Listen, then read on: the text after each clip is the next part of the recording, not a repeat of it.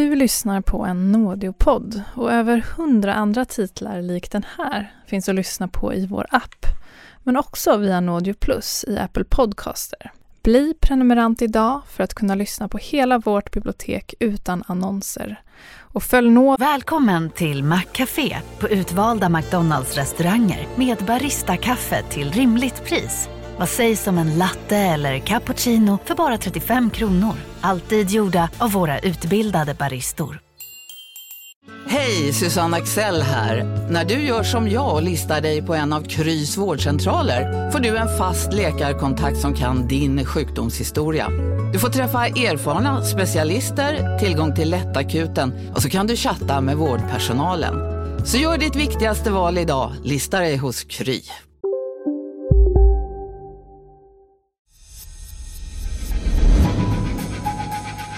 Du lyssnar på Stölden av kungens klocka. En serie av Monopol Media för Nådio. Jag heter Marcus Morey Haldin. påstod ju också att han hade fått den i god tro. Det var ju ingen som trodde honom ett ögonblick. En vacker dag så kommer någon och säger att jag är ägare och kan bevisa det och då är det inte så roligt. And instead of talking to him, they sent the police to him. Secure our interest in a watch which is rightly ours. Sista delen. En klocka som rättmätigen är vår. Vi har varit i Zürich och i Storbritannien. Hört om ett mord, ett dödsbo och två antikhandlare som båda vid en eller annan tidpunkt i historien varit ägare av Karl XIIs ovärderliga klocka. Men den här serien närmar sig sitt slut. Och som man ofta gör i slutet så ska vi gå tillbaka till början. Och början är ju Barbro Bursell. Chef, eller egentligen överintendent på Livrustkammaren. Hon som fick det där telefonsamtalet från Mr Moore i första avsnittet. Jag satt här, i det här rummet. Det ringde på telefonen och jag svarade och då var det en man som presenterade sig som antikhandlare i London. Och han sa, jag har någonting som du vill ha. Och han nämnde en summa som han ville ha. Jag hade ju inga pengar. Museer är väldigt fattiga, särskilt de statliga. Ja, men du har ju så mycket silver i dina samlingar. Jag kan tänka mig ett byte. Det är nu dags att höra vad som hände efter det där första samtalet. Hur gör man om man vill ha tillbaka en stulen klocka? Barbro Bursell är absolut ingen biroll i den här berättelsen.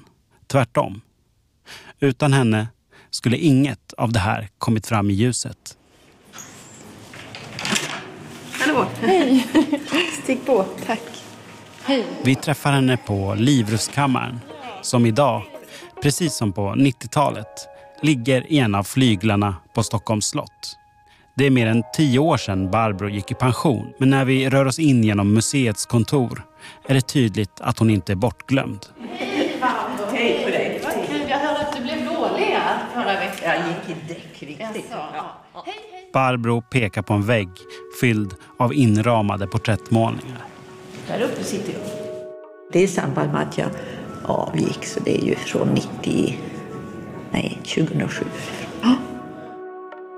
Men nu så ska vi tillbaka till den mest dramatiska händelsen under hennes tid på Livrustkammaren. Tillbaka till 1998. Här, här satt jag. Och den, där, den där borden var inte där. Jag hade ett eh, väldigt vackert sånt här ellipsformat bord och med min stol här och några besöksstolar. Då hade jag ganska nyligen blivit utsedd till överintendent och chef för Livrustkammaren. Jag kom från Nordiska museet och hade blivit utsedd, jag började första september 97. Och den här händelsen som vi ska prata om, den drar ju igång på våren 98. Så det var ett av de första stora händelserna som dök upp då.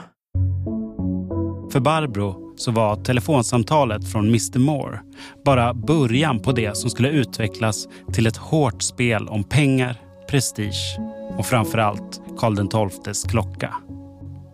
Den som hon inte ens visste existerade innan samtalet. Men när hon förstod vilken klocka det faktiskt handlade om, en oersättlig symbol för den svenska stormaktstiden, så har hon såklart inget val. Hon måste få tillbaka den till Sverige.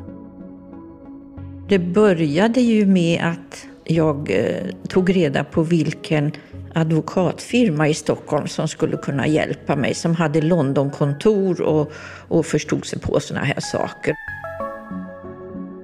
Efter att ha rådfrågat bland annat svenska ambassaden i London så väljer Barbro att anlita advokat Hans Bagner som är verksam i London och Stockholm. Det var ju eh, ovanligt och eh, spännande uppdrag på sitt sätt. Han minns när han fick samtalet. Jag fick ett telefonsamtal från eh, Barbro Bursell som på den tiden var chef för Livrustkammaren. Eh, och så berättade hon då om vad det handlade om, nämligen den här klockan som hade varit försvunnen under väldigt lång tid och som man nu hade fått spår på. Han menar att det ur ett juridiskt perspektiv inte finns några egentliga tveksamheter om att Livrustkammaren är den riktiga ägaren av klockan. Det finns ju bara en klocka som den här i hela världen och den är ju dessutom märkt med museets samlingsnummer, fotodokumenterad och noggrant katalogiserad innan den försvann. Men i telefonsamtalet hade mannen som vi kallar Mr Moore såklart hävdat att klockan lagligen var hans. Påstod ju också att han hade fått den i god tro. Det var ju ingen som trodde honom ett ögonblick. Och jag undrar om inte det hade blivit lite strängare lagstiftning eller om den kom sen. I alla fall så kunde man utnyttja det där. För juristerna gäller det nu att agera snabbt och smart. Först måste man ta reda på all fakta och i bästa fall kan Livrustkammaren få tillbaka klockan, sin egen klocka, gratis. Men den möjligheten innebär också en strategisk risk. Om Mr Moore skulle få reda på att Barbro Bushell anlitat en advokatbyrå i ett försök att få tillbaka klockan så skulle han ju kunna göra sig av med den så fort som möjligt. Alltså är det ingen som pratar med Mr Moore i det här läget. Men det är bråttom. För även om den brittiska antikhandlaren inte vet vad som är på gång så verkar han ju ändå ha för avsikt att sälja klockan till den som är villig att betala. Advokat Hans Bagner och hans kollegor samlar information och får reda på det vi vet. Att Mr Moore köpt klockan av en schweizisk handlare som i sin tur köpt den på en offentlig auktion. Klockan hade sålts på en offentlig auktion i Schweiz och eh, schweizarna, till skillnad från praktiskt taget alla andra civiliserade länder, har eh, utrymme för att man kan göra så kallade godtrosförvärv av föremål som säljs på auktion, eh, vilket man inte kan göra i nästan något annat land. Som vi har nämnt tidigare så är god tro en juridisk term som betyder att ägaren vid köpet inte har anledning att misstänka att föremålet varit stulet. Alltså tror eller förutsätter att den förra ägaren skaffat sig saken på laglig väg. Och det är väl det man eh, hävdar i det här fallet att den första köparen var i god tro och då blir även den andra och tredje köparen i god tro. Ond tro är motsatsen, alltså när man kommer fram till att någon köpt något som de borde ha förstått var stulet. Det är krångligt med juridik och när det gäller Karl XIIs klocka så är det dessutom tre olika länder inblandade. Schweiz, Storbritannien och Sverige. Alltså det var ju då kanske känt även bland eh, kriminella men också bland de som jobbade i branschen som visste att ropar de in det på en auktion så, eh, så var det ett fullständigt förvärv som gav en skydd. Medan däremot om man eh, hade varit i ett annat land så hade man alltid kunnat befara att om man inte hade då gjort verkliga ordentliga undersökningar om, om ursprunget till eh, föremålet så riskerar man ju att eh, en vacker dag så kommer någon och säger att jag är ägare och kan bevisa det och då är det inte så roligt. Traditionellt sett har köpare och säljare i Schweiz kunnat gömma sig bakom auktionshusens integritetsskydd. Ingen behöver ge sig till känna. I Schweiz är anonymitet en rättighet. landet hade fram till 2005 lagar som innebar att den som köpt något i god tro, som sen visade sig vara stulet, satt säkert som ägare efter fem år. Och god tro följde sen med föremålet vid varje försäljning. Det var helt enkelt tryggt att handla med antikviteter i Schweiz.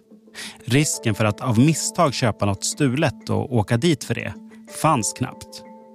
Och lika liten var risken för den som medvetet köpte och sålde stöldgods på den svarta eller grå marknaden. Martin Kieners köp var, när det gjordes 1996, ett lagligt godtrosförvärv i Schweiz. Mr Moores ägande av klockan prövades aldrig i domstol. Men eftersom köpet genomfördes i Schweiz så gäller i normalfallet Schweiz lagar och köpet räknas som godtrosförvärv i andra hand. Sedan dess har Schweiz lagar skrivits om. Men 1998 så kunde i alla fall Hans Bagner konstatera att man sannolikt skulle förlora en process om att upphäva godtrosförvärvet eftersom det skulle behöva göras i Kieners hemland. Ja, vi, jag tror inte vi hade kunnat uh, ha några framgångar med att uh, gå vidare på den punkten därför att uh, det var ändå ett auktionshus och det var en boutredningsman och allt det där. Så att jag kan förstå att man då kan hävda att det, det är ett riktigt godtrosförvärv. Istället bestämmer sig Hans Bagner och Livrustkammaren för att gå en annan väg. När de fått fram all fakta och insett att det skulle bli svårt att få tillbaka klockan gratis så blir nästa mål att få tillbaka den överhuvudtaget. Och gärna så billigt som möjligt. En dyr rättegång vill man undvika. Så Hans Bagner drar till med en sorts juridisk överraskningsmanöver. Och han gör det genom att vända sig till det brittiska rättsväsendet. Det är ju i England som Mr Moore har sin verksamhet. Det första vi gjorde var faktiskt att vi slängde in papperna till domstolen och sa att det här är vad det handlar om och nu vill vi ha en freezing order på det här. Eh, och sen så fick vi naturligtvis kontakt. En freezing order innebär att en domstol beslutar att ägaren av det föremål som tvisten gäller inte har rätt att sälja eller flytta föremålet under en viss period eller fram tills dess att parterna kommit överens. Det svenska ordet är kvarstad och...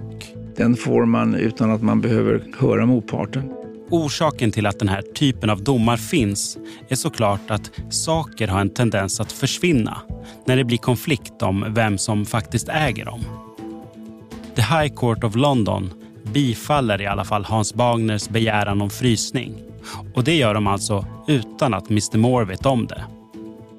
Men det ska det snart bli ändring på.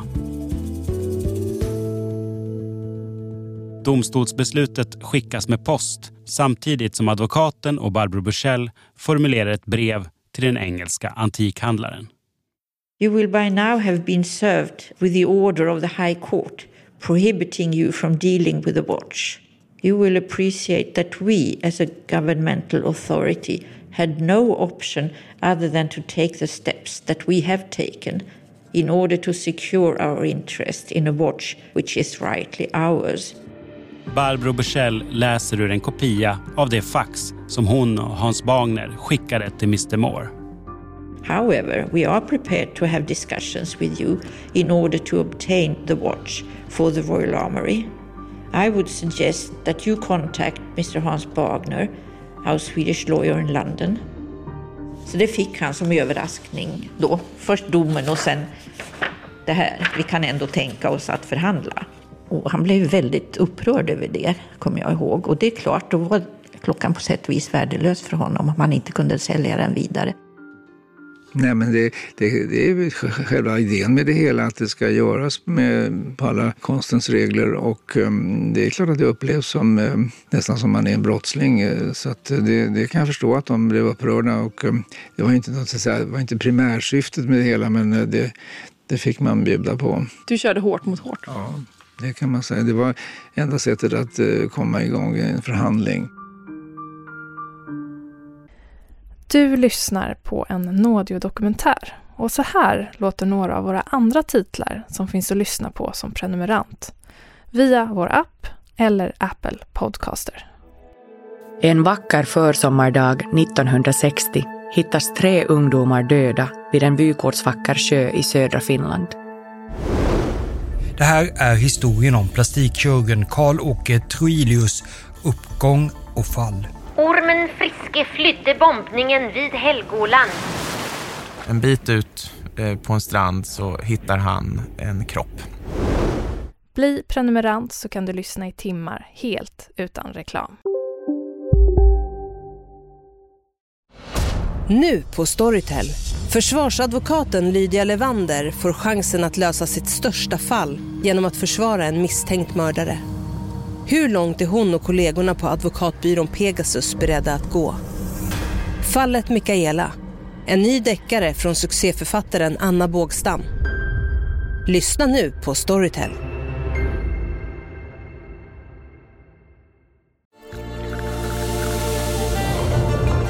Välkommen till Maccafé på utvalda McDonalds restauranger med Baristakaffe till rimligt pris. Vad sägs om en latte eller cappuccino för bara 35 kronor? Alltid gjorda av våra utbildade baristor.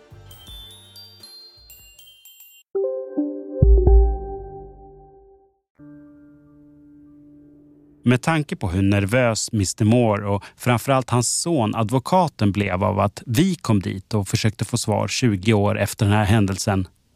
Hur reagerar de då på slutet av 90-talet? Han hade en byrå som var också väldigt eh, aggressiv och hotfull. En byrå som jag känner till väl och som är känd för att vara liksom, eh, ganska bestämda och tuffa att ha att göra med.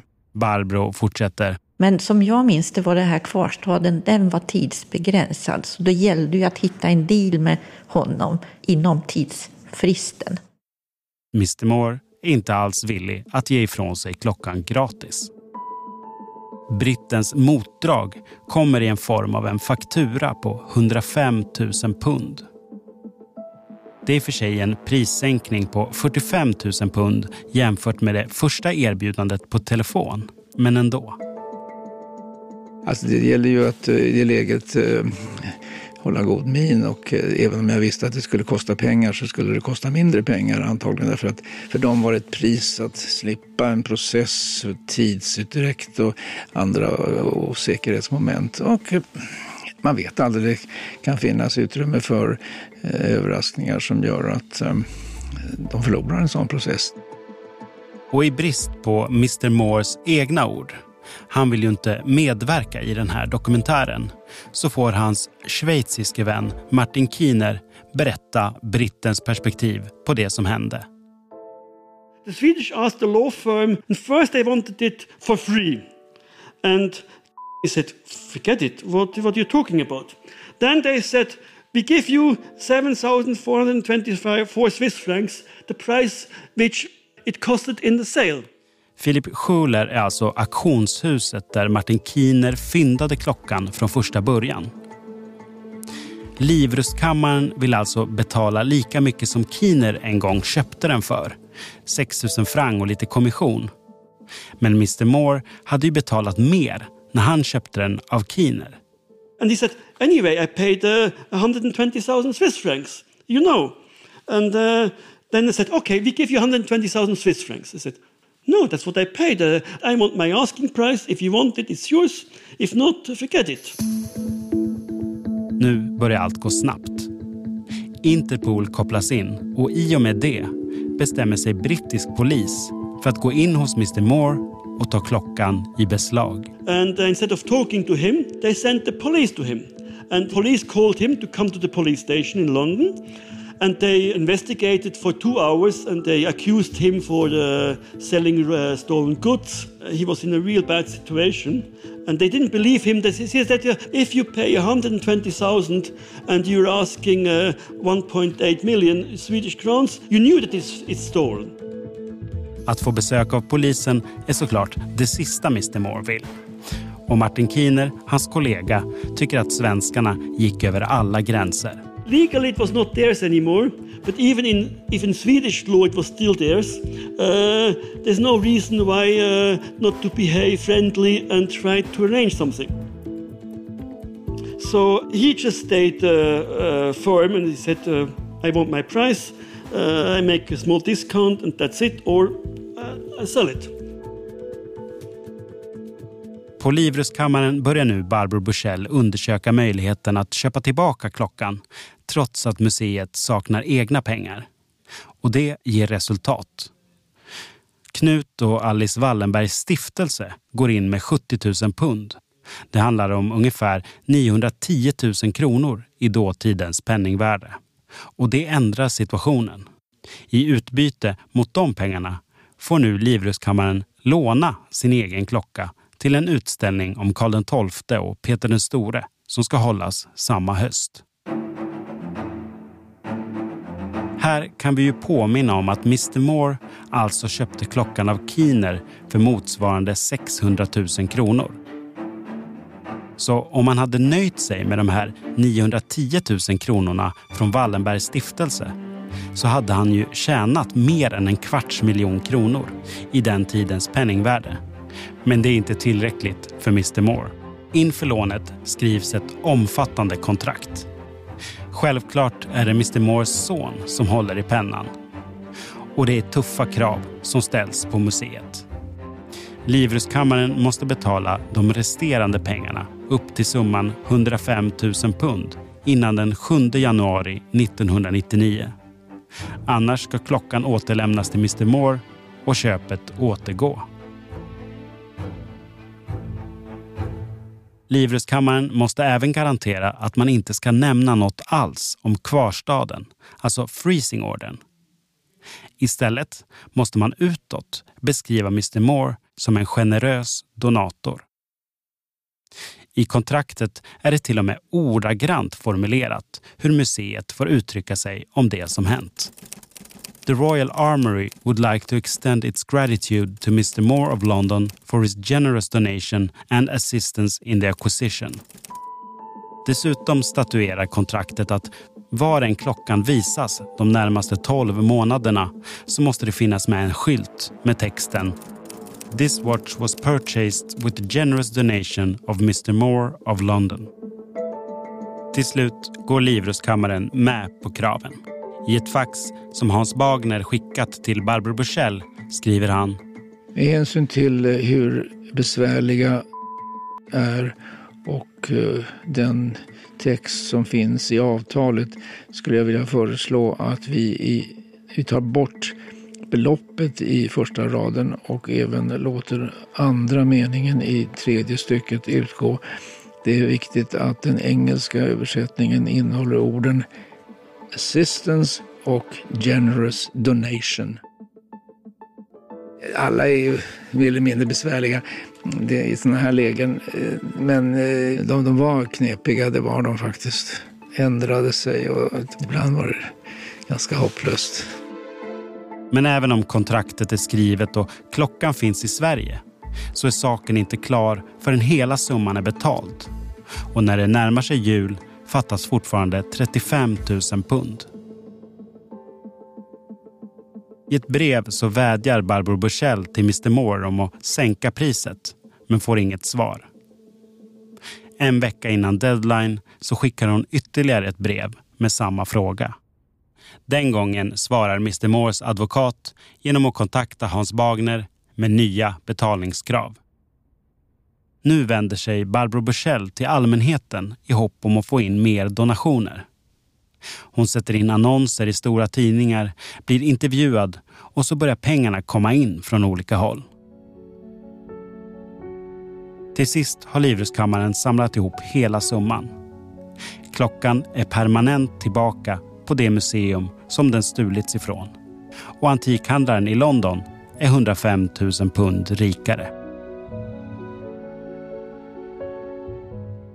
Vi berättar för Barbro Bursell att vi träffat Mr Moore men att han inte vill vara med i podden. Inte utmålas som en tjuv. Det är klart, det är hans intresse. Han är väl rädd att det ska, han ska hamna i dåligt rykte. Hans antikhandel ska få någon stämpel på sig att man handlar med tjuvgods eller något sånt. Det kan man ju förstå. Jag skulle nog inte heller ställa upp kanske. Ja, det är ju det här med prestigen.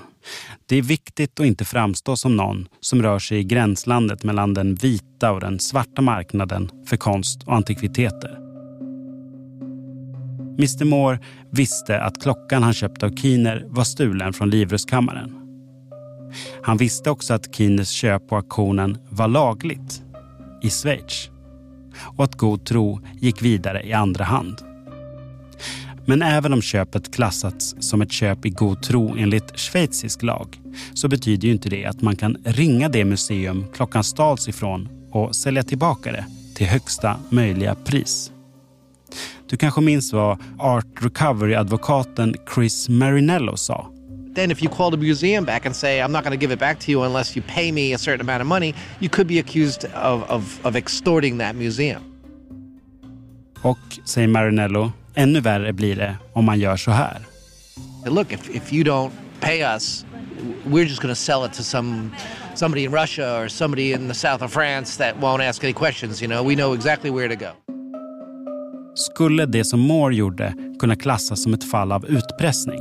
Kanske. Så här säger Keener. And in fact, he had a very important uh, customer, Albert Gilbert, from the Gilbert, who had the Gilbert collection. At the time, it was he was a very big property uh, developer and owner in California, and he had money to spend. He, he bought tons of very good things, and he was interested in. I'd rather sell it to you than to the Swedish because the Swedish they are really nasty. Det fanns andra intressenter. Han hade till och med erbjudande om det. Det var ju vad han sa till mig. Det trodde jag väl inte på allvar, men man visste ju inte säkert. Om det är sant som Barbro Bushell och Martin Kine säger, att Mr Moore hade en annan kund på gång i USA, eller att han åtminstone hotade med det, så verkar det rimligt att det hela skulle kunna klassas som utpressning med dagens lagar. Men det har som sagt aldrig prövats. Och Livrustkammaren drev inte fallet vidare till rätten. De betalar. Och i ett brev från Hans Bagner till Barbro Bushell skriver han Så har vi kommit till slutet. Karl XIIs klocka ligger nu i sin monter. Men Livrustkammaren gör en sista liten motståndshandling. Nedanför den moderna montern fanns aldrig någon skylt som sa att det var en donation från mannen vi kallar Mr Moore. Vad än kontraktet sa. Och på Livrustkammaren finns klockan än. Bredvid den ligger en uniform som kungen bar när han dog 1718. Och montern, ja, den är extremt svår att bryta sig in i. Nu går vi och kollar på klockan tycker jag. Nu känner jag mig riktigt sugen på att se den igen. Jag har hållit den i min hand, det har jag verkligen gjort. Ja, den är, den är ju rätt stor, en sån här vanlig rova som gubbarna hade på magen för. Det har vi väl alla hållit i. Och, Men den är ju ganska stor och den är rund i formen. Den är ju som ett, känslan av ett stort ägg man håller i och ganska tung. Men även om Karl XIIs klocka är tillbaka så finns det saker i den här historien vi inte vet. Men det finns också saker som vi vet. Vi vet att klockan hittades i ett dödsbo hos en dömd antiktjuv som mördade sin fru och sen tog sitt eget liv. Vi vet att polisen sen missade att identifiera den helt uppenbart svenska 1700-talsklockan. Vi vet att auktionshusen tjänade stora summor kommission på försäljningen av stöldgodset som hittades hos Peter Wipplinger. Vi vet att schweizaren Martin Kiener tjänade 600 000 kronor och att Mr Moore i London tjänade 400 000 kronor på att äga klockan. Men det finns också saker vi inte kan säga helt säkert. Vem stal Karl XIIs klocka till exempel? Var befann sig klockan mellan att den stals 1968 och att den dök upp nästan 20 år senare i Peter Wipplingers dödsbo? Vi vet att åtminstone fem saker stulna från svenska museer inom loppet av 18 dagar i juli 1968 hittades i hans lönnrum. Vi vet att det är en del saker som pekar på att det var Peter Wipplinger som var direkt inblandad i stölderna. Vi vet att Peter Wipplinger på 70-talet utvisades från Sverige på grund av misstanke om konststöld och att han till och med dömdes i Danmark för samma brott. Vi kan inte med säkerhet säga att han passade in på signalementen som samlades in 1968. På de bilder vi har av Wipplinger stämmer hans ålder, hårfärg och längd i alla fall delvis. Men det är svårt att se om han hade en tydlig glipa mellan framtänderna som ett av signalementen löd. Men om det var han, vilka var det mer som var med i den liga som både tidningar och polis skrev om? Exakt hur har en kupp mot 15 svenska museer på 18 dagar sommaren 1968 ihop med ett dödsbo i Zürich. Peter Wipplinger är kanske den enda som har svaret.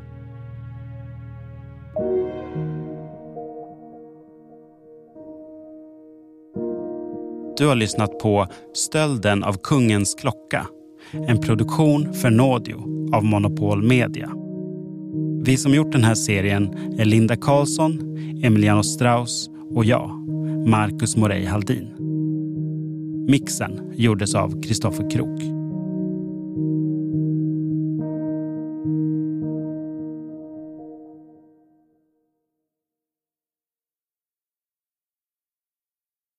Tack för att du lyssnat.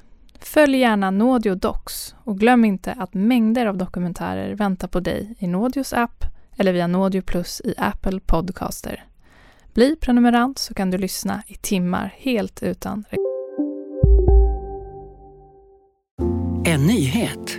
Nu kan du teckna livförsäkring hos Trygg-Hansa. Den ger dina nära ersättning som kan användas på det sätt som hjälper bäst. En försäkring för dig och till de som älskar dig. Läs mer och teckna på trygghansa.se. Trygg Hansa. Trygghet för livet.